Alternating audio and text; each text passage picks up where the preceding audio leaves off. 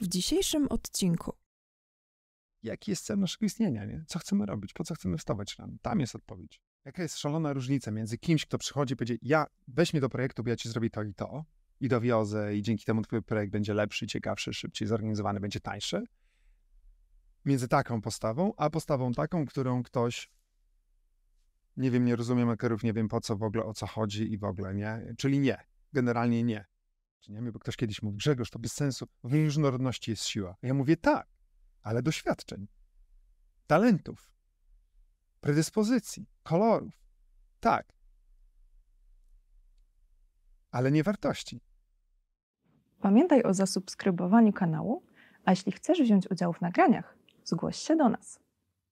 Sponsorem odcinka jest Open Nexus, twórca fundacji Kreatywni dla przyszłości. Witamy na kanale Świadomie Myśląc. Dziś moim gościem Grzegorz Żołędziewski. Witam Cię Grzegorzu. Witam Cię Grzegorzu. E, oczywiście damy linki w opisie, gdzie Grzegorz już występował na naszym kanale, gdzie go szerzej przedstawiałem. Jakbym miał powiedzieć takich, w takim uproszczeniu, jakbym Cię miał przedstawić, to jesteś mm, doradcą albo może ekspertem, który pomaga znaleźć e, własne dlaczego. Czy przedsiębiorcy, czy, czy osobie, mm, która gdzieś tam szuka swojej ścieżki zawodowej. Czy chciałbyś coś dodać do tego wstępu? Na początku przywitam się z Państwem e, serdecznie i e, czy dodać? Wiesz co, zależy ile mam czasu. Dlatego dodałbym, e, najważniejszą rzecz powiedziałeś. Generalnie moim, moją misją dzisiaj jest pomaganie ludziom w odkrywaniu ich dlaczego, ich po co. E, po co są, po co są ich firmy, po co jest ich kariera. E, no i później przełożenie tego na strategię oraz na plan działania. Czy to OKR, czy KPI, w zależności od kultury, w jakiej dana osoba czy organizacja działa. Właśnie temat dzisiejszego spotkania to KPI, OKR-y właśnie i dlaczego większość robi to od dupy strony, powiem wprost. I dlaczego większość robi to źle. E, I, I, myślę, że to jest, jest temat elektryzujący.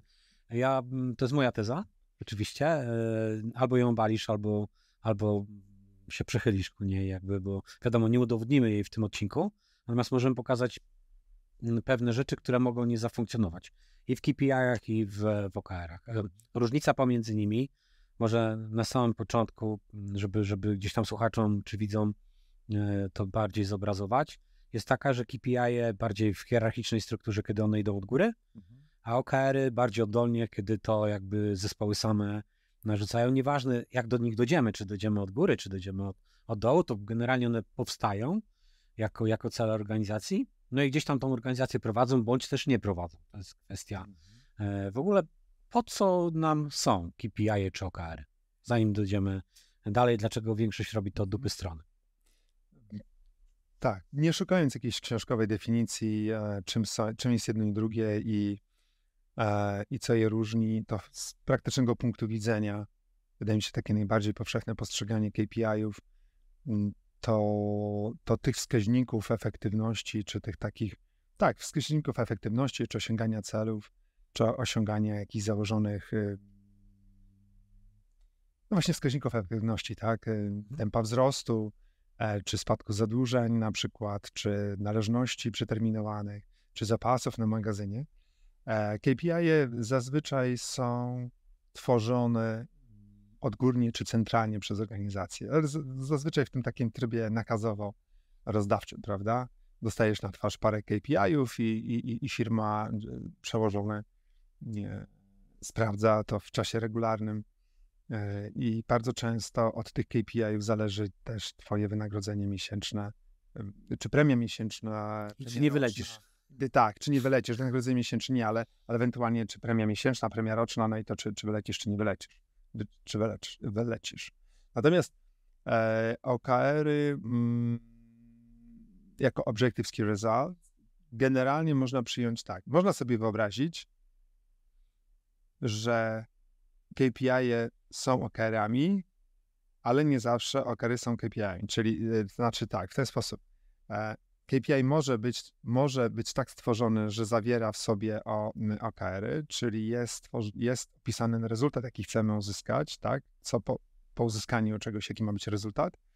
E, I możemy zaangażować ludzi, którzy wykonują to, e, mają wykonać w proces tworzenia, decydowania o tych OKR-ach i następnie sposobie ich realizacji i efektywności realizacji, ale nie musimy. KPI zazwyczaj, mówię, idą od góry, są stworzone przez czy to dział kontrolingu, jak jest, czy prezesa, czy, czy dyrektora finansowego, mają być wykonane i koniec. I zazwyczaj związane są z tym, że on też ma swoje KPI i, i dany oddział na Polskę też ma KPI i to wszystko jest gdzieś po, po, połączone przyczynowo-skutkowo.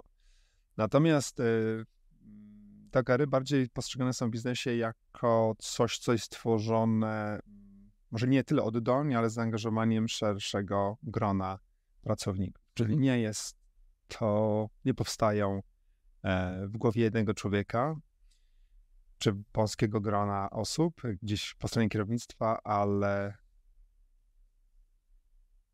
oddziały, czy, czy osoby, czy działy, czy, czy, czy, czy liderskie jednostki w firmie są zaangażowane w tworzenie. Czyli jakby wiedzą, w jakim kierunku firma zmierza, co chce osiągnąć mhm. i są w stanie same zdefiniować e, cele swoje jaki ma być rezultat po osiągnięciu tych celów, jak to mierzyć, czy zostało wykonane, czy nie wykonane, i, no i wtedy jest bardzo, bardzo dobrze zastosować jakieś miary, tak, właśnie, które można zmierzyć, czy coś zostało, czy nie zostało, w jakim stopniu zostało osiągnięte, w jakim stopniu osoby się zaangażowały w osiągnięcie um, danego OKR-u. Więc jest to proces bardziej złożony, trudniejszy e, w realizacji, w zaplanowaniu, w realizacji, ale dużo bardziej efektywniejszy, ponieważ zwiększa zaangażowanie większego grona osób w organizacji. Tak. I Powiem tak, że okary wydają się proste tylko na, na pozór. Tak. E, natomiast my próbowaliśmy wdrożyć od 2020 roku no bezskutecznie. Już mieliśmy ileś tam prób, dlatego podjęliśmy tą próbę, żeby nie robić tego od, od końca, od dupy strony. Chcieliśmy ten cały proces e, przejść i może teraz, żeby też y, pokazać, zanim wejdziemy w proces, bo zaraz do tego dojdziemy, to jeszcze może takie dwie role. Z jednej strony jak są KPI, to jest źle, no bo jakby, ale możemy pomarudzić, no bo mhm. to są te narzucone przez szefów, przez zarząd, przez kogoś na górze, więc mamy możliwość wcielania się w rolę e, dziecka e, i pomarudzić sobie. W OKR-ach jest trochę gorzej, bo, bo w sumie możemy tylko i wyłącznie pomarudzić na siebie. Mhm. Jeżeli jakby raz źle je dobraliśmy, dwa nie dowozimy. E, tak, przy założeniu, że one już powstały. Mhm. Ale jeżeli cofniemy się o krok wcześniej, e, to możemy się właśnie prędzej zmierzyć sytuacją, w której powstanie tych KR-ów będzie problematyczne same w sobie, czyli będzie ciężko ludzi zmotywować do tego, żeby to okarali, żeby to homonto założyli na siebie sami. Mhm. Żeby, żeby, żeby jakby stworzyli zestaw tych OKR-ów. Dlaczego? E, mm, umówmy się, co do, co do zasady. W najlepszym scenariuszu dla firmy firma wie po co jest, dokąd zmierza, czyli ma swoją świetnie zdefiniowaną. Dobrze, że dodałeś, że w najlepszym scenariuszu. W najlepszym scenariuszu. Tak, firma wie po co jest, jaki jest cel jej istnienia, jaką potrzebę zaspokaja, kogo tę potrzebę, tak? kto jest tym kimś, jaka to jest grupa beneficjentów, w jaki sposób i tak dalej. Następnie wie, jaka jest wizja, czyli jaki jest rezultat tego funkcjonowania, czyli jak ma wyglądać świat w przyszłości po tym, jak, będą jak firma będzie realizowała swój cel zna i ma zdefiniowane bardzo dobrze zestaw wartości oraz pożądanych zachowań, czyli ma kulturę organizacyjną opartą o wartości, prawda? Ma całe przywództwo e, zorientowane na, na wartości i potrzeby nie wszystkich interesariuszy, nie tylko e, kierownictwa, nie tylko pracowników, czyli wszystkich e, członków firmy, ale także interesariuszy poza firmą. No więc właśnie, więc w najlepszym scenariuszu firma to wszystko ma. No i teraz E, co się musi wydarzyć, żeby ta wizja była zrealizowana? No trzeba zdefiniować jeszcze cele strategiczne, czyli te cele jakościowe, które opisują stan, w którym firma osiąga wizję. To jest zadanie dość trudne, złożone i tutaj faktycznie mm, ta wyższa część społeczeństwa, e, wyższa część organizacji powinna, czy tam e, bardziej doświadczona wziąć udział w, te, w tego typu mm, przedsięwzięciu, w definiowaniu celów strategicznych, ale kiedy one są już zdefiniowane i schodzimy niżej do e, definiowania niezbędnych zasobów do osiągnięcia, e, jakie są mhm. niezbędne zasoby po stronie personalnej, finansowym, marketingowym, sprzedażowym, infrastruktury technicznej, zaplecza technicznego, oprogramowania i tak to, to w idealnym scenariuszu chcemy zaprosić wszystkich pracowników firmy, dosłownie wszystkich, w określanie tych zasobów. Czyli usiądźmy i zastanówmy się, jakie cele, jakie, jakie cele chcemy zrealizować już operacyjne, żeby te strategiczne zrealizować, jakie zasoby do tego potrzebujemy, e, w jakiej kolejności będziemy realizować, no bo nie wszystko naraz przecież, bo zasobów firma nie ma, żeby wszystko na, w jednym czasie zorganizować, zrealizować. A, dobra, nie chciałbym w proces tak. wchodzić, bo rozumiem, zaraz to rozłożymy na czynniki pierwsze. Tak.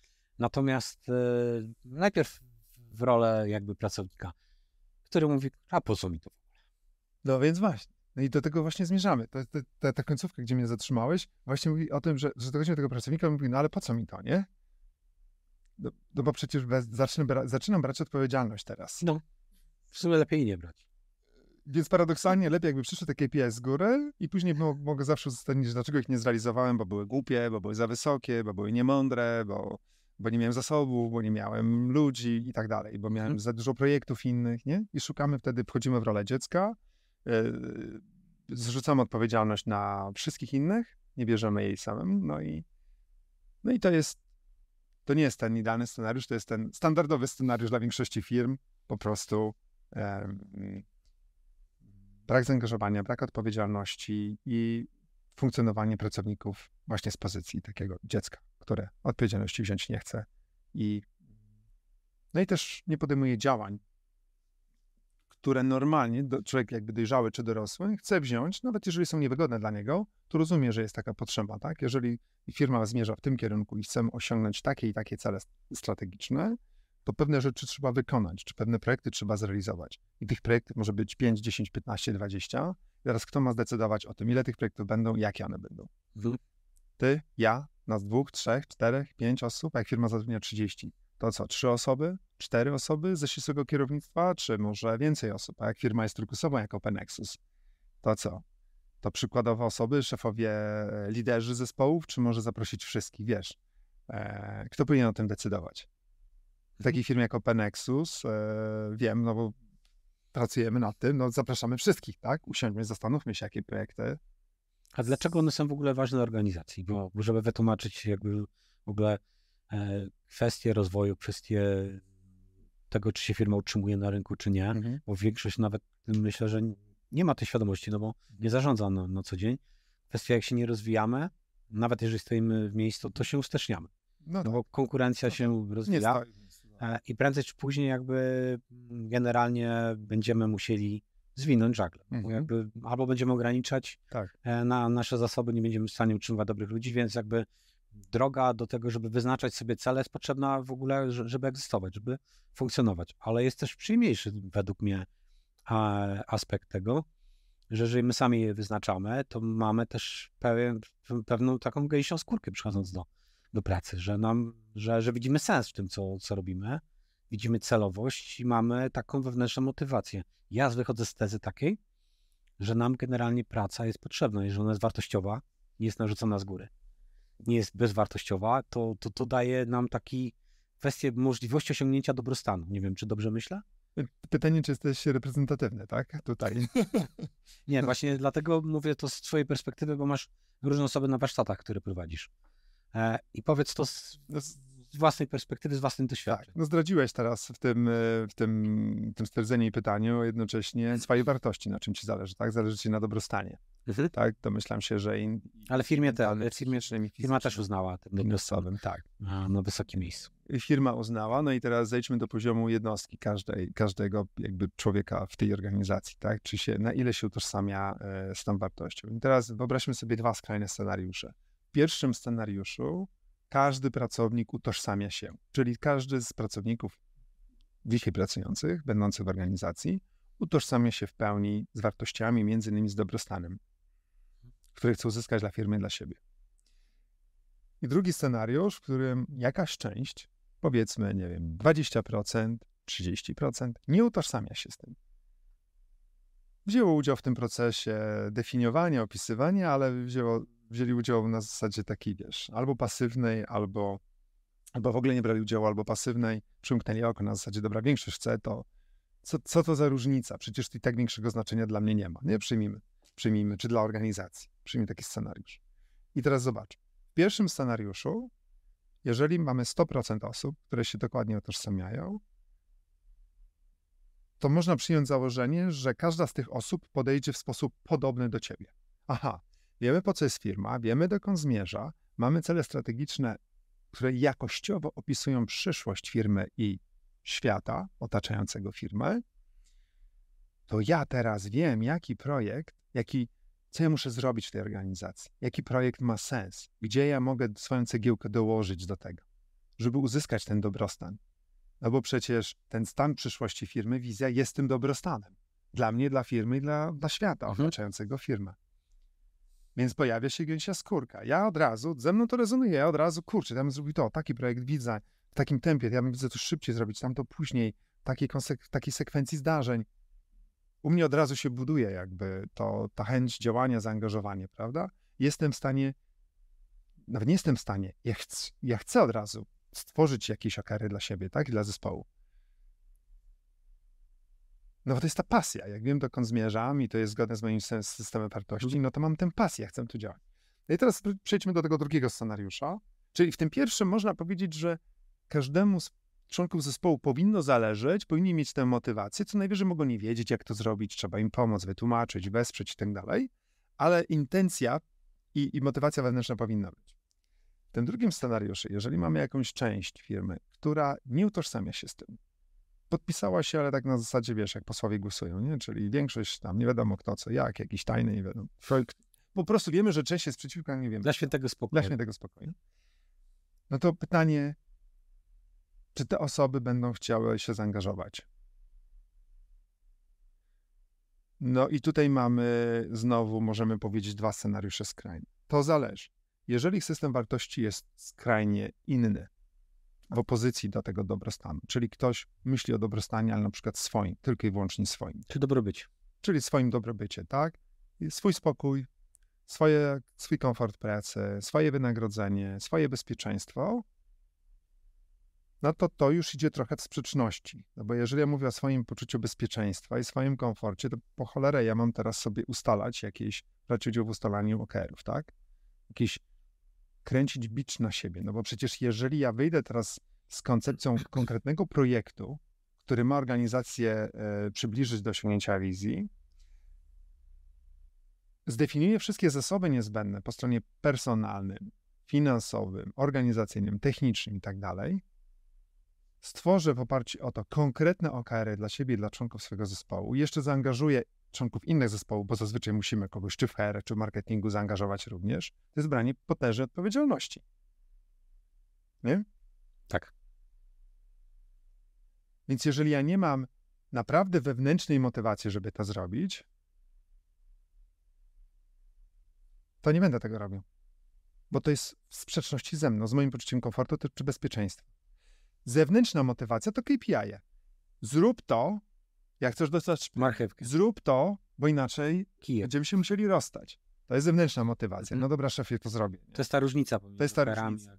Tak. A tutaj po prostu, czy, czy wiesz, tylko wracamy do punktu wyjścia. System wartości każdego pracownika. I to jest początek w zasadzie. Monolit. I teraz proces. I my zrozumieliśmy tak naprawdę, rozpoczynając tą przygodę i współpracę z Tobą, e, która trwa od września 2022, że musimy zacząć od wartości. Pamiętam, jak opanowałeś, że my nie chcieliśmy koniecznie tak, przechodzić przez ten. Tak. tak, natomiast uparłeś się, no i było takie... Teraz już wiesz dlaczego. Tak, tak, więc pierwszym takim procesem, żeby w ogóle dojść do, do OKR-ów, na razie sobie je odłóżmy, bo teraz pokażemy ten proces. Mhm. Y, są wartości. Czyli tutaj jakby twoja metodyka mówiąca o tym, daje wam tam 260 parę wartości, możecie dopisać jakieś dodatkowe, nie każdy przyjdzie z zespołem na spotkanie maksymalnie z 30 mastermi się tu sami. Mhm. I, tak, I tak też było. Było tam osób zaangażowanych chyba 11 do 13, bo to mhm. były takie różne etapy, y, czyli liderów poszczególnych obszarów w tym momencie, jeszcze poszerzonych mhm. E, w tym momencie, żeby, żeby maksymalnie dużo osób zaangażować w ten proces. E, no i metodą tak naprawdę 12 gniewnych e, ludzi, tak? To jest ten film e, który nam poleciłeś, faktycznie staraliśmy się przekonać ostatnią osobę do danej wartości. Czyli każdy jak te 30, to zebrało nam się około 40. Mhm. No z tych 40 e, wyselekcjonowaliśmy 20. 20. A w zasadzie 19, bo 20 tak. doszła później. Tak. Jeszcze drogą gdzieś tą taką, gdzie zobaczyliśmy w procesie, że jej tak. nie ujęliśmy, czyli tak. 20, 20 wartości. Okazało się, że nawet był problem przy definiowaniu tych wartości, bo każdy z nas miał e, inną definicję. Inną definicję. Tak. Czyli taka ciermiężna praca, raz, że wyselekcjonowanie tych 20 wartości, ale w zasadzie też pokazania, co ja, co pod tą wartością się kryje. I to jest ta, ta droga, jak ja to mówię, przez mękę, gdyż musimy, zgo- my tego nie robimy nawet w życiu codziennym, prawda? Nie. nie. To, to osoby, mm, z którymi pracuję indywidualnie, czy biorą udział w warsztatach e, Wildlife, e, to tu widzę, że siadają, ja mówię, za, zarezerwuj sobie 10 godzin, nawet 15. Słuchaj, usiądę dzisiaj, to zrobię. No i, i po takich dwóch, trzech e, nasiadówkach, po godzince ktoś stwierdza, no, no nie, muszę do tego poważniej przysiąść, wyciąć jakąś większą część czasu, dlatego że my na co dzień nie zadajemy sobie pytań. Co jest dla nas ważne i dlaczego? Czym jest jakaś wartość i dlaczego ona jest dla nas ważna, jaką potrzebę zaspokaja? My nie robimy tego ćwiczenia. Od szkoły nikt nas tego nie uczył, ani w szkole, ani rodzice, ani w biznesie nas tego nie uczył. Tak, ktoś by mógł powiedzieć, 20 wartości to strasznie dużo jak na firmę. Natomiast one zostały uszeregowane. Tak. I musieliśmy jednak zgodzić się na, na pewną piramidę, tak. gdzie na górze tej piramidy była jedna kluczowa wartość. Tak. E, na drugim poziomie, tak. dlaczego w ogóle wstaje każdego dnia. Tak. To jest jakby ta... Tak, no ty, ty oczywiście, no, broń Boże, 20, znasz zresztą mm. Firma, według mnie, firma czy człowiek powinien poruszać się w obrębie trzech kluczowych wartości, mhm. które reprezentują koszyk wartości i potrzeb sobie. Czyli my bierzemy 20, indywidualnie nawet z ludźmi pracuję, że do 60 zaznaczymy, ale później tworzymy z nich grupę. Grupy, które też uzupełniają się na przykład. Taką klasyczną grupą jest, grupą jest na przykład poczucie bezpieczeństwa, pieniądze, niezależność, wolność. I to na przykład dla kogoś stanowi taki koszyk wartości odzwierciedlających yy, takie poczucie bytowe, na przykład na poziomie bytu, tak?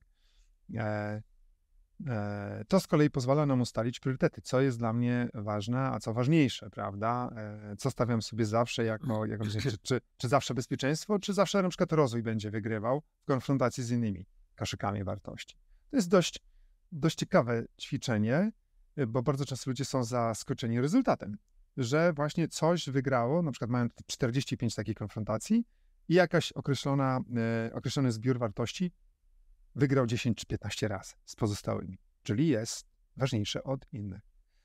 I to jest bardzo ciekawe, bo możemy mieć taki sam system, takie same wartości, nawet możemy mieć takie same krzyki, ale jeżeli ciebie na pierwszym miejscu będzie na przykład poczucie bezpieczeństwa, hmm? a rozwój będzie gdzieś dalej, a u mnie będzie odwrotnie, to będziemy inaczej podejmować decyzje. Tak.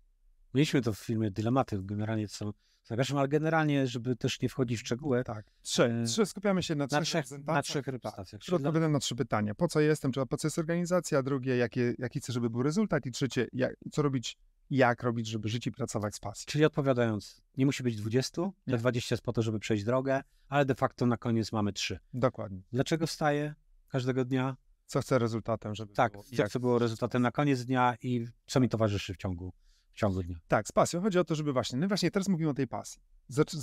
Zawiesiliśmy się na chwilę na OKR-ach, że, że w tym drugim przykładzie, że nie wszyscy chcą te OKR-y na przykład robić, czy czują. No bo nie czują tej pasji. Tam, tam czegoś brakuje. Tam nie ma tej pasji, żeby się, żeby się wiesz, e, wyjść ze strefy komfortu i, i, i podjąć wyzwanie, wziąć odpowiedzialność. To znaczy, że ktoś nie utożsamia się z wizją. A jeżeli się nie utożsamia z wizją, to być może z misją się nie utożsamia. Więc być może, czy najprawdopodobniej, jego system wartości nie jest spójny jednak, więc gdzieś na etapie... I się męczy. Tak, I się męczy. Tak. E, I nie wiem, może być dla samych pieniędzy, natomiast kwestia jest taka, że e, to dołuje i zespół, i jego. To jest jak rak w organizmie. Mhm. Dobra. E, mamy te trzy główne, kluczowe kategorie wartości. Mhm. W, w nich się będziemy jakby poruszać. Określiliśmy je. Mhm. Kolejnym krokiem w tym procesie jest to, żeby mm, ocenić postawę, znaczy, żeby określić postawę zachowania. Tak. Wyższa Szkoła Zarządzania i Bankowości i Open Nexus. O trybie podstawowym od podstaw, a o przetargu nieograniczonym bez żadnych ograniczeń. To doskonała okazja do nawiązania nowych kontaktów, poznania nowych ludzi, ekspertów w branży i wymiany doświadczeń. Program studiów opartych o Procure.com.eu to kompletnie nowa jakość. Będziemy się skupiać nie tylko na umiejętnościach twardych, już wiemy, że znacie ustawę, ale także na umiejętnościach miękkich, takich jak komunikacja wewnątrzzespołowa, zarządzanie zespołem, czy też prowadzenie negocjacji z wykonawcami. Będziemy przedzierać się przez nieodkryte mgły podpisów elektronicznych, będziemy docierać do prawdy, będziemy odzierać wszelkie ksadesy, padesy i inne wymyślne stwory po to, żeby dociec do prawdy, po to, żeby zbadać podpis, po to, żeby być pewnym tego, co robimy, jak robimy i jakie decyzje podejmujemy. Interakcja z wykładowcami to to, co studenci cenią sobie najbardziej. Dlatego tak ważny dla nas jest bezpośredni kontakt z Wami, studentami. Gwarantujemy największą dawkę wiedzy praktycznej, bezpośrednio od praktyków zamawiających.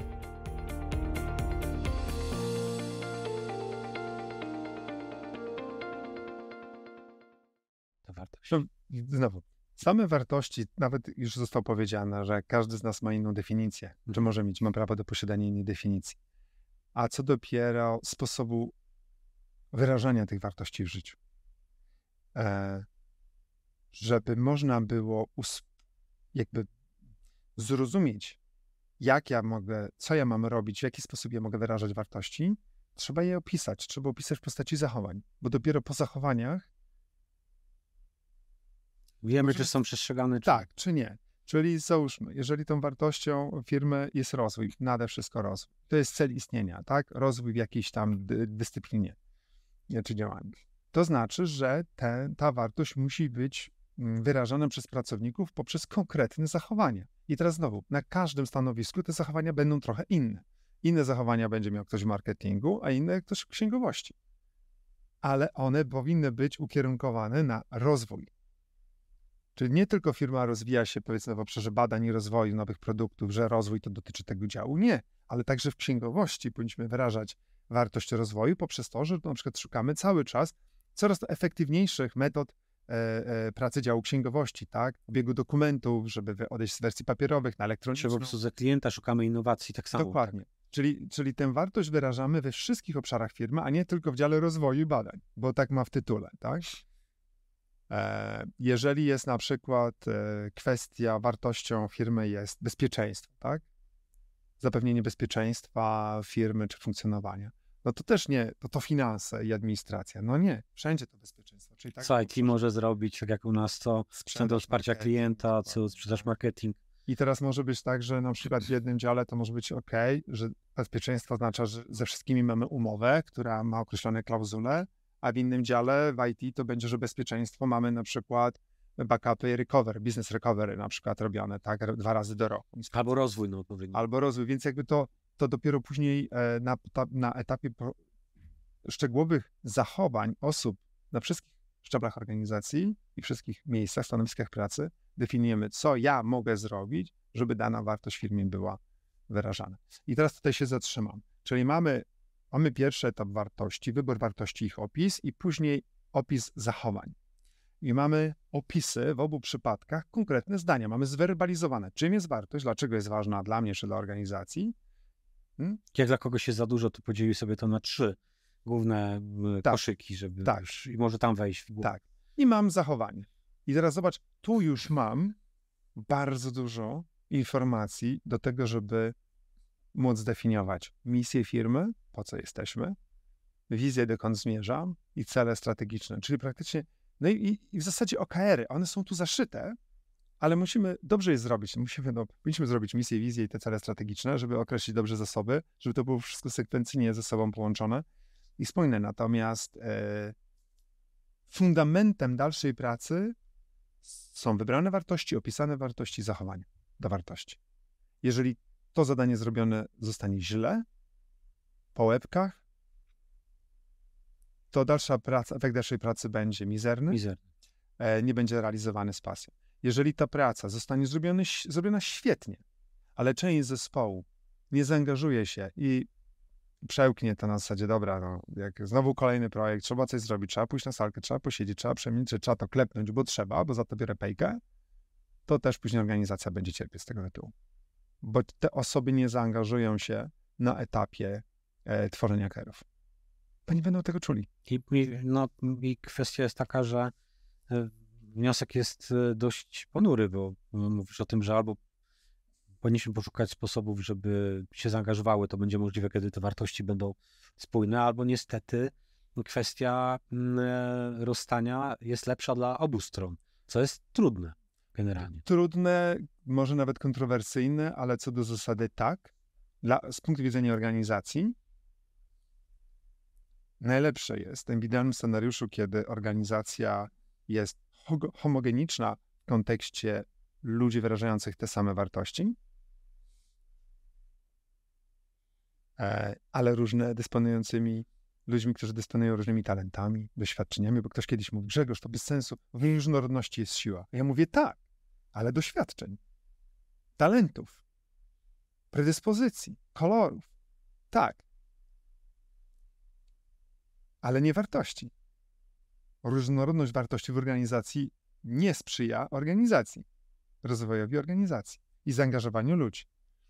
Więc e, tak, dla organizacji najlepiej, jeżeli wszyscy wyrażają te same wartości. W związku z tym, jeżeli jest jakaś grupa, która nie wyraża, nie utożsamia się, to dla organizacji jest lepiej, żeby te osoby opuściły organizację. A dla tych osób z kolei jest lepiej, jeżeli wykorzystają tę Wiedzę. okazję do tego, żeby znaleźć organizację, do której będą ze swoim systemem wartości pasować.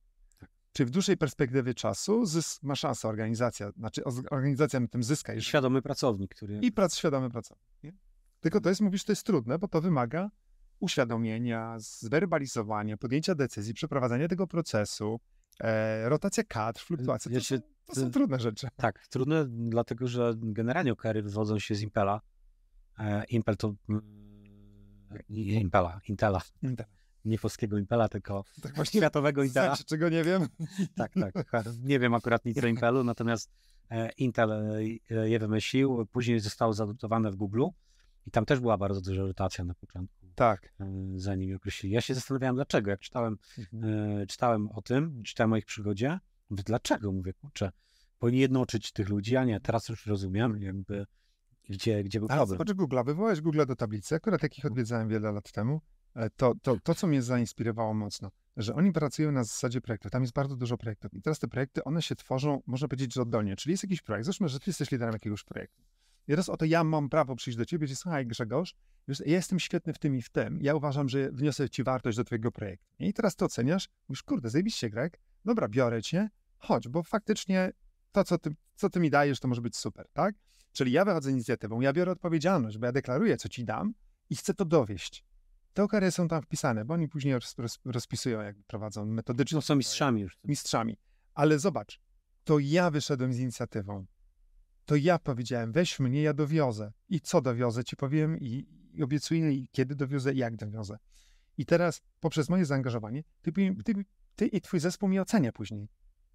I mówię, kurwa, Greg jest zajebisty, nie? I nagle wchodzę do innego projektu, a oni już widzą, że tamtym projekcie Greg był zajebisty i teraz on coś tam wnosi tutaj, to prawdopodobieństwo, że on tutaj też nam wniesie i dowiezie jest wysokie. Czyli rozumiesz, idzie za tobą pewnego rodzaju taka sława albo nie sława, w zależności od tego, jak jesteś, czy ludzie chcą cię brać do projektów, czy nie. Ale wszystko bierze się stąd, że, że ty masz jakąś wartość, reprezentujesz jakąś wartość dla kogoś i wychodzisz z inicjatywą i obiecujesz, składasz obietnicę, co wniesiesz, swoje zaangażowanie, wiedzę, talent, kreację, te okary są tam wpisane. To jest, wiesz... E, to jest część tej organizacji. Część, część, tego część sobie, procesu. Tego życzmy na, naszym firmom, e, chociażby rodzinnym, dlatego że bez tego e, nie będzie rozwoju, nie będziemy innowacyjni. No tak, ale, ale teraz wróćmy, wróć, wróćmy do tej organizacji, co mówiliśmy o tym drugim scenariuszu, gdzie powiedzmy 30% ludzi nie ma tego systemu wartości na przykład, nie utożsamia się z tym i nie chcą się angażować w tworzenie tych mhm. OKR-ów. No to zwróć uwagę, jaka jest szalona różnica między kimś, kto przychodzi i powie, ja weź mnie do projektu, bo ja ci zrobię to i to i dowiozę i dzięki temu twój projekt będzie lepszy, ciekawszy, szybciej zorganizowany, będzie tańszy. Między taką postawą, a postawą taką, którą ktoś nie wiem, nie rozumiem makerów, nie wiem po co w ogóle, o co chodzi i w ogóle, nie? Czyli nie. Generalnie nie. Jak, jak, jaka jest przepaść? To są dwie różne skale e, zachowań. Zupełnie inna mentalność. Zachowań. Tak. a zachowania biorą się z wartości. Jesteśmy w domu. Tak. Więc teraz y, mamy mm, zachowania wartości, określimy misję na podstawie tych wartości. No to też była długa- Odpowiedź jest w miejscu, tak. Tak, to wartość. jest długa, długa droga. a Dzięki priorytetyzacji tak naprawdę na trzy kategorie określiliśmy misję. No Tak. bo mm, tam też musimy się pokłócić, co jest najważniejsze. E, Ale to też jest ciekawe, bo widzisz, ludzie, można, można, można tworzyć misję na dwa różne sposoby. Skrajne znowu, nie? Pierwszym, dobra, to pomyślmy jaka misja, misja, wiesz co, misja, no dobra, to pomalujemy świat na zielono. Tak, będziemy malować świat na zielono, mamy misję, nie? Tak po prostu, fajnie brzmi coś z czapy i ni przypiąć, ni przyłatać, do czego to w ogóle, z czego wynika, nie wiadomo. Albo jak z chłopaki nie patrzą, mój, mój tata jest królem sedesów. Dokładnie. E, albo można poszukać odpowiedzi na misję w tych właśnie wartościach, na czym nam zależy. Bo tam jest odpowiedź. Część wartości i potrzeb odpowiada na pytanie, jaki jest cel naszego istnienia, nie? Co chcemy robić, po co chcemy wstawać rano. Tam jest odpowiedź. Jeżeli mamy dobrze zrobione wartości, dobrze opisane, to odpowiedź jest w nich i możemy stwierdzić wtedy, zdefiniować dobrze misję. I pamiętasz, jak robiliśmy dla was, tutaj e, dla Open Nexus, e, jak beneficjenci się pojawili, no jak część osób powiedziała, że pierwsza spotkała się z tym określeniem beneficjenta, beneficjent. No bo przecież celem istnienia organizacji OpenExus, firmy OpenExus czy organizacji jest no, zaspokajać potrzeby właśnie beneficjentów. Są ci w pierwszej linii zamawiający, na przykład korzystający z usług bezpośrednio, ale przecież wskutek korzystania z tych usług jest cała gama beneficjentów pośrednich. I teraz, czy ma z punktu widzenia firmy sens skupienie się na nich też?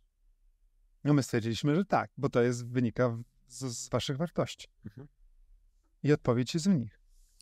Tak. Dlatego to jest coś spójne, tego się nie da tak rozwalić teraz i z- robić od nowa, bo to jest tak fajne teraz, że to, to musiałaby się zmienić ponad pół Zarząd. firmy. Zarząd, wiesz, pół firmy musiał się tak, zmienić, bo przyszli, już powinni przyjść, jakby przyszły inne osoby z innym systemem wartości, spojrzałyby na to i nie, to się w ogóle nie klei, nie rozumiemy tego, zróbmy to od nowa. Zrobiliby to w oparciu o swoje wartości. Mhm. Ale tu i teraz większość firmy, jeżeli nie całość, utożsamia się z tym, co jest. Ale to jeszcze nie jest misja, wizja, nie jest jeszcze takim ostatnim krokiem, że już jesteśmy w stanie w OKR-ach działać, dlatego że warto, i to też jest dobrze, warto dobrze to zrozumieć. E, ja nie rozumiałem na początku cele strategiczne, te jakościowe cele strategiczne. E, dużo sporów było, czy, czy jest za dużo, czy nie. Określili w końcu siedem e, celów Tyle strategicznych. nie miało być. A, tak, generalnie, ale też bardzo długą drogą, drogę przy, przebyliśmy.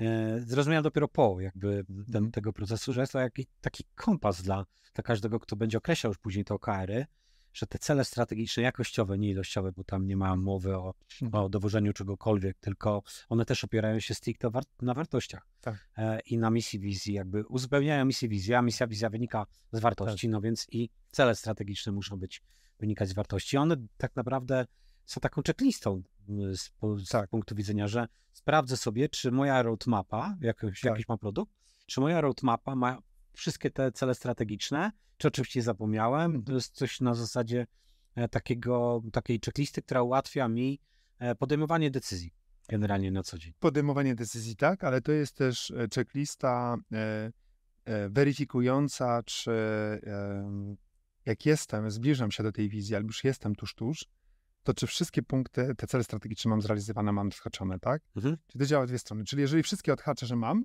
to praktycznie powinienem być już blisko wizji i odwrotnie.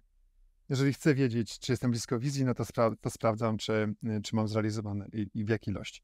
I pamiętasz dyskusję, mm, jak zaczęliśmy rozmawiać o celach strategicznych w zespole, padały, mm, padały, padało takie niezrozumienie, mm, o co chodzi z tymi celami, dlaczego one są takie niekonkretne, dlaczego tu nie ma żadnych, wiesz, że nie są według, nie są smartne, nie są według smart zrobione. Pamiętasz? Czy kmiotny, konkretne, Tak. tak. istotne, osiągalne, takie nowe Dokładnie. polskie Dokładnie. określenie smarta. I Kmiot. ja pamiętam, że część osób mówi, ale że po co to robić? Że to w ogóle one są niemierzalne. Nie na zasadzie, że one już chcą robić mierzalne, nie? Powiedziałem, okej, przyjdzie na to kolej. Na razie robimy jakościowe, które mają opisać jakościowy stan. Czyli, że na przykład rozumiemy i mierzymy, rozum- e, e, rozumiemy, zaspokajamy i mierzymy stopień na przykład zadowolenia wszystkich beneficjentów. To jest jakościowe, że my rozumiemy ich potrzeby, zaspokajamy i jeszcze mierzymy, w jakim stopniu zaspokajamy, tak? To jest jakościowy parametr. Tu nie ma ilości, żadnych wskaźników do kiedy, Jak często mierzyć Tak. no. ale to nam pozwala zastanowić się, co my musimy zrobić, żeby to mierzyć? Jakiego rodzaju projekty są potrzebne? Jakiego rodzaju narzędzia? Funkcjonalność? Jakie zasoby są do tego potrzebne? No i teraz zwróć uwagę. Te osoby, które wtedy jakby mm, nie rozumiały tej e, e, za bardzo istotności czy sensu tych celów jakościowych, praktycznie teraz powinny się, kiedy już one są zdefiniowane, i następnym elementem są zasoby konkretne, zasoby są już bardzo konkretne, no bo to jest konkretne stanowisko, konkretny soft, konkretna, nie wiem, fabryka, konkretna kwota pieniędzy na coś, to już konkretna rzecz, to już jest konkret. Kamień milowy to jest konkret, że w pierwszym roku mamy mieć funkcjonalność A, w drugim roku mamy mieć funkcjonalność B i mamy mieć na przykład gotowy soft. W trzeci mamy mieć na przykład, nie wiem, 50% udział w rynku, tak? Czy tam y, zdobyte jakieś nowe przyczółki, czy nowe rynki mhm. zbytu. To są bardzo konkretne rzeczy, a one z kolei kamienie milowe pozwalają nam już zrobić bardzo konkretne cele operacyjne, z których wynikają już okery. Więc można powiedzieć, że osoby, które ciężko, którym ciężko było się odnaleźć na etapie celów strategicznych, misji, wizji, bo to było zbyt efemeryczne, niekonkretne, nie tu i teraz, to teraz powinny się rzucić bardzo chętnie w wir wydarzeń, właśnie, bo mówimy już o bardzo konkretnych rzeczach. Tak, bo jeżeli, a jeżeli w to i w to nie, no to znaczy, że tu gdzieś kwestia wartości do tego, co czymś do punktu, do punktu wyjścia. E, też e, wtedy dla mnie jako lidera kwestia, jak, e, jak mierzyć, czy wartości są przestrzegane, czy nie, jak rozmawiać, ale mamy te postawy, zachowania e, i są to, mm, są to już w tym momencie też rzeczy do, do rozmów po prostu z daną osobą, nie? E, wprost, że na przykład mamy około 600 zachowań wynikających z postaw, około 110 chyba, jak pamiętam, e, to w tym momencie mogę powiedzieć na przykład 80 nie przestrzegasz. Wymienić mhm. dokładnie jak rozmawiać, dlaczego. Też nie straszmy widzów, że każdy ma, wiesz, przestrzegać 120 zachowań, bo to jest tak, że dla całej organizacji to jest taki zbiór. Tak, tak. Natomiast na moim stanowisku pracy to ja mam tam kilkanaście. Mhm. Czyli robimy coś takiego, że wyłaniamy z całej, wiesz, firma ma 100, 150, 200, 250 zachowań, w zależności od wielkości firmy. Tyle może mieć wszystkich zachowań, ale z tego wybieramy katalog pożądanych nawyków, czyli zachowań, które mają być nawykami dla wszystkich pracowników. To jest tak od 12 do 16 kodeks etyczny, nie? że na przykład zawsze te zachowania czy postawy mają wyglądać w taki w taki sposób dla wszystkich pracowników. Na przykład kwestia zaufania, mhm. czy otwartości, czy szczerości. Że bez względu na to, jak bolesna jest prawda, zawsze Ale jest to bardziej obiektywne niż y, bez tego takie subiektywne ocenianie kogoś. Tak. Y, to, to, to nie ma podłoża, podstaw. Oczywiście. Więc ten taki, taki katalog y, pożądanych y, nawyków dla organizacji, to jest taki kodeks, który fajnie wydrukować, mm. powiesić w różnych miejscach firmy, żeby, żeby przypominał nam. Takie tak przysłowiowe 10 przykazań, tak, wieży rzymskokatolickiej. Ale z tej listy stu kilkudziesięciu zachowań, ja na swoim stanowisku mam wypisane swoje kilkanaście zachowań, które dotyczą mnie. Tu i tu na tym stanowisku. Inne to będą w księgowości, inne w marketingu, inne w sprzedaży.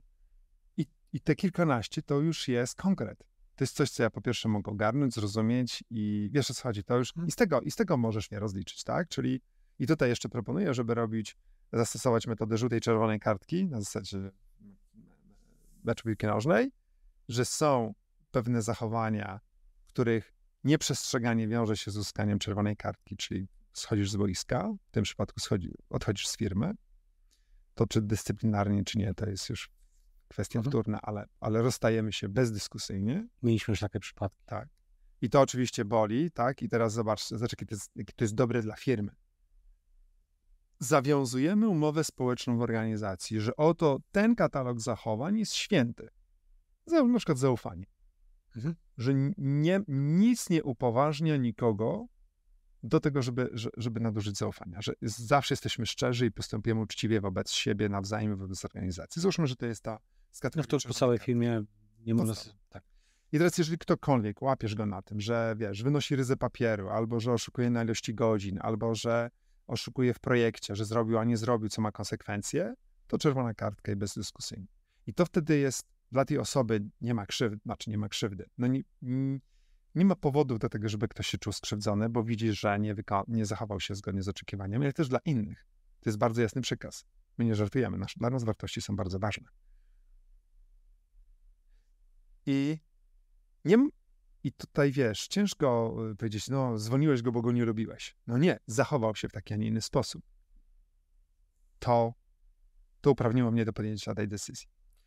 No i mamy katalog zachowań, gdzie na przykład możemy dać żółtą kartkę. Czyli są dwie szanse, tak? Gdzie słuchaj, na przykład kwestia taką, że, że angażujemy się albo na przykład jesteśmy otwarci na, na czy, czy jesteśmy pomocni, że pomagamy sobie, że, że jesteśmy zawsze na przykład pomocni, staramy się być pomocni, czy jesteśmy pomocni, kiedy ktoś do nas przychodzi. No i okazuje się, że na przykład ja przychodzę do ciebie, a ty nie jesteś, nie? Raz i drugi mnie odprawiasz z kwitkiem. No to wtedy na przykład taką żółtą kartkę mogę, mogę ci pokazać na zasadzie, że ale jest, mamy taką umowę, że pomagamy sobie. Dwa razy już przyszedłem do ciebie, wiesz, odesłałeś mi z kwitkiem, a ja naprawdę potrzebuję twojej ekspertyzy, tego czasu twojego, nie?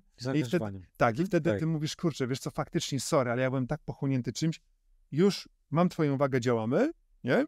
Albo pokazujesz mi środkowy palec.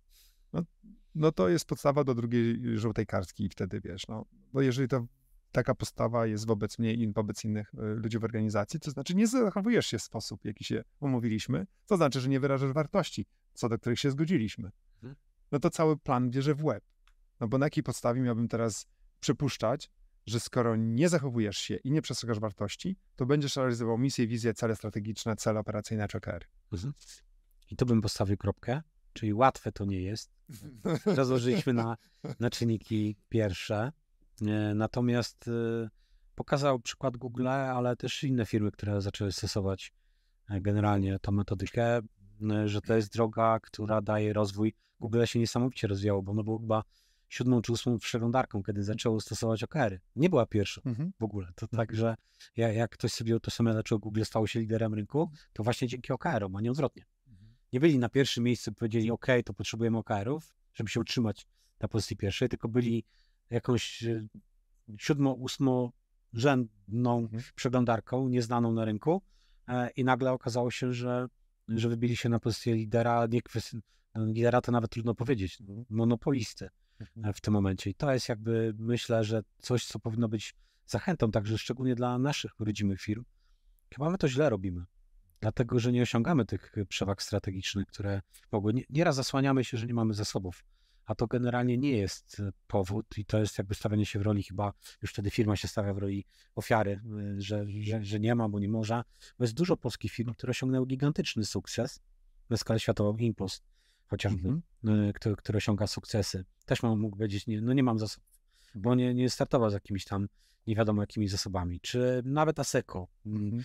które startowało tak naprawdę od zera, stworzyło jedną z najbardziej potężnych firm IT. Może nie ma własnych produktów, takich, które by mogło, po innym kierunek obrało po prostu obsługi IT. Więc generalnie co do zasady, żebyśmy mieli takie mocne y, firmy, to powinniśmy zainwestować w coś, co daje rzeczywistą przewagę, a nie wymówki, że, że nie możemy, że nie mamy zasobów, że nie mamy kapitału w Polsce, bo wystarczy tak naprawdę przedsiębiorczość, dobre chęci i y, określenie tych celów strategicznych.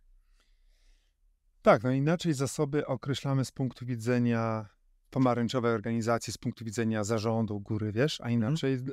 dołu organizacji. Zwróć uwagę, jeżeli ja zarządzałem przez 20 parę lat firmami pomarańczowymi, więc wiem jak to. Siedzę w gronie dyrektorów i ustalamy właśnie, że będziemy robić jakieś projekty. Ustalamy zasoby na jakiej zasadzie? W oparciu o swoją wiedzę, swoje doświadczenia i zazwyczaj przeszacowujemy te zasoby i nie doszacowujemy, czyli dobra, potrzebujemy takie stanowisko, potrzebujemy kogoś do marketingu, potrzebujemy tyle pieniędzy, potrzebujemy, czyli tutaj zazwyczaj za dużo. Za dużo. Ale jednocześnie jesteśmy w stanie bardzo łatwo pominąć istotne zasoby, nie pomyśleć o czym, że coś jeszcze będzie potrzebne, bo nie mamy wystarczającej wiedzy, e, żeby to zdefiniować, żeby to dobrze, precyzyjnie określić. No i później wchodzimy, dajemy ludziom to niżej, dobra, to realizujcie to teraz, prawda? No to jest nasza wizja, nasz plan, a teraz wy to róbcie. Nie?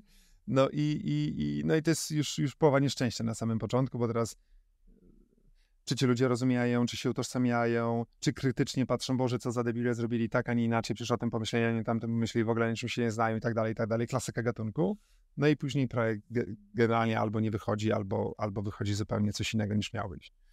Więc e, w idealnym scenariuszu znowu jest to, aby o zasobach i, i w ogóle celowości projektu i zasobach i o karach decydowali ludzie, którzy będą to realizować, będą się tym zajmować i mają wiedzę, mają doświadczenie, są tam na dole. I oni mogą stwierdzić, prezes stwierdzi, że jest potrzebny ktoś nowy w marketingu, nowe stanowisko, a ktoś na dole stwierdzić może, co ja mam takie kompetencje, albo on ma kompetencje, możemy to zrobić w ramach... Albo zautomatyzujmy to. Albo zautomatyzujmy, wygospodarujmy czas. I nagle okazuje się, że nie trzeba zatrudnić kogoś do marketingu za 10 czy 15 tysięcy złotych tylko można to zrobić, bo ci ludzie na dole znają odpowiedź. I, wa- no, i wartości, na przykład Odpowiedź jest w nasza firmie. gospodarność jest równowartość gospodarność, to w tym momencie tymi zasobami zaczynamy bardzo, No tak. y, bardzo efektywnie zarządzać. I to jest Dlatego w tym, w, tym, w tym portalu, w którym robimy strategię dla OpenExusa, zasoby są opisywane per projekt. Czyli ten projekt, Ceremos, potrzebuje takie zasoby, takiego człowieka, o takich kompetencjach, takich kompetencjach, takich kompetencjach. Potrzebuje taki soft, taki serwer, taki coś. I teraz ktoś inny dokładając swój projekt, wstawia nazwę tego projektu i mówi, ja też potrzebuję testera, ja potrzebuję tego, ja potrzebuję tego. I teraz człowiek na przykład w Harach mówi, ok, ci potrzebują testera do, do, do tego projektu i ci potrzebują testera do tego projektu. I ci jeszcze potrzebują testera do tego projektu. Okej, to zobacz, możemy zatrudnić jednego, który będzie robił dla trzech, czy trzech potrzebuje zatrudnić po jednym, czy możemy to outsourcować, czy może kogoś wewnątrz organizacji do tego delegujemy i poprzesuwamy. Ale już wiemy, mamy wszystkie karty na stole, możemy coś z tym robić bardzo precyzyjnie, efektywnie i gospodarnie.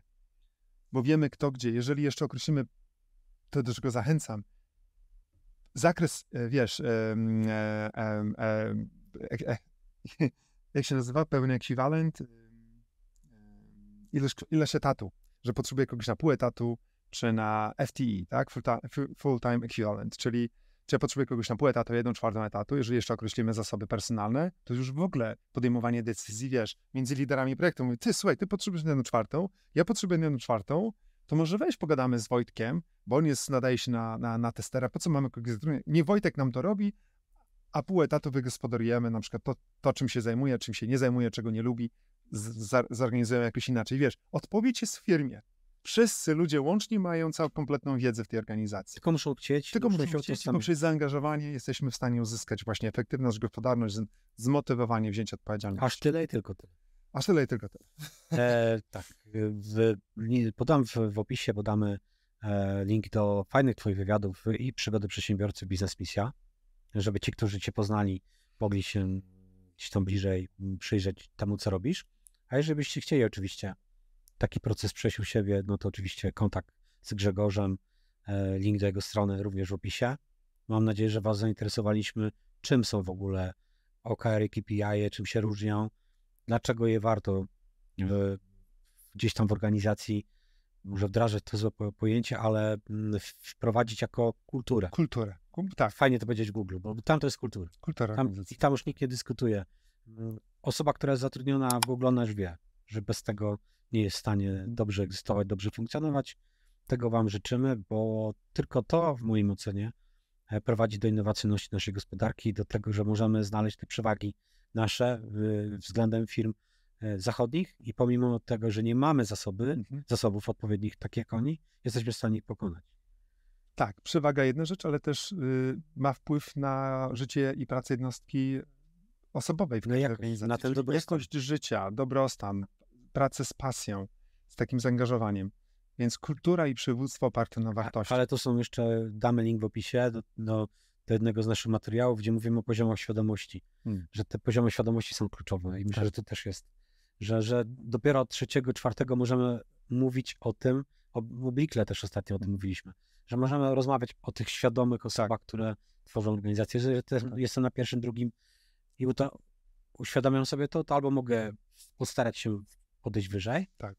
albo też poszukać sobie miejsca W innej. tak, gdzie będę Oczywiście. jakby spełniony, szczęśliwy, bo No, nie znaczy, że trzeci poziom jest lepszy niż drugi. Absolutnie. To my mamy się czuć dobrze z nim Dokładnie. po prostu. Świadomość. Dziękuję Ci za ten odcinek. Dziękuję bardzo. Świadomie myśląc znowu. Wszystko się do tego skłania. Tak, Dziękuję Ci bardzo. dzięki.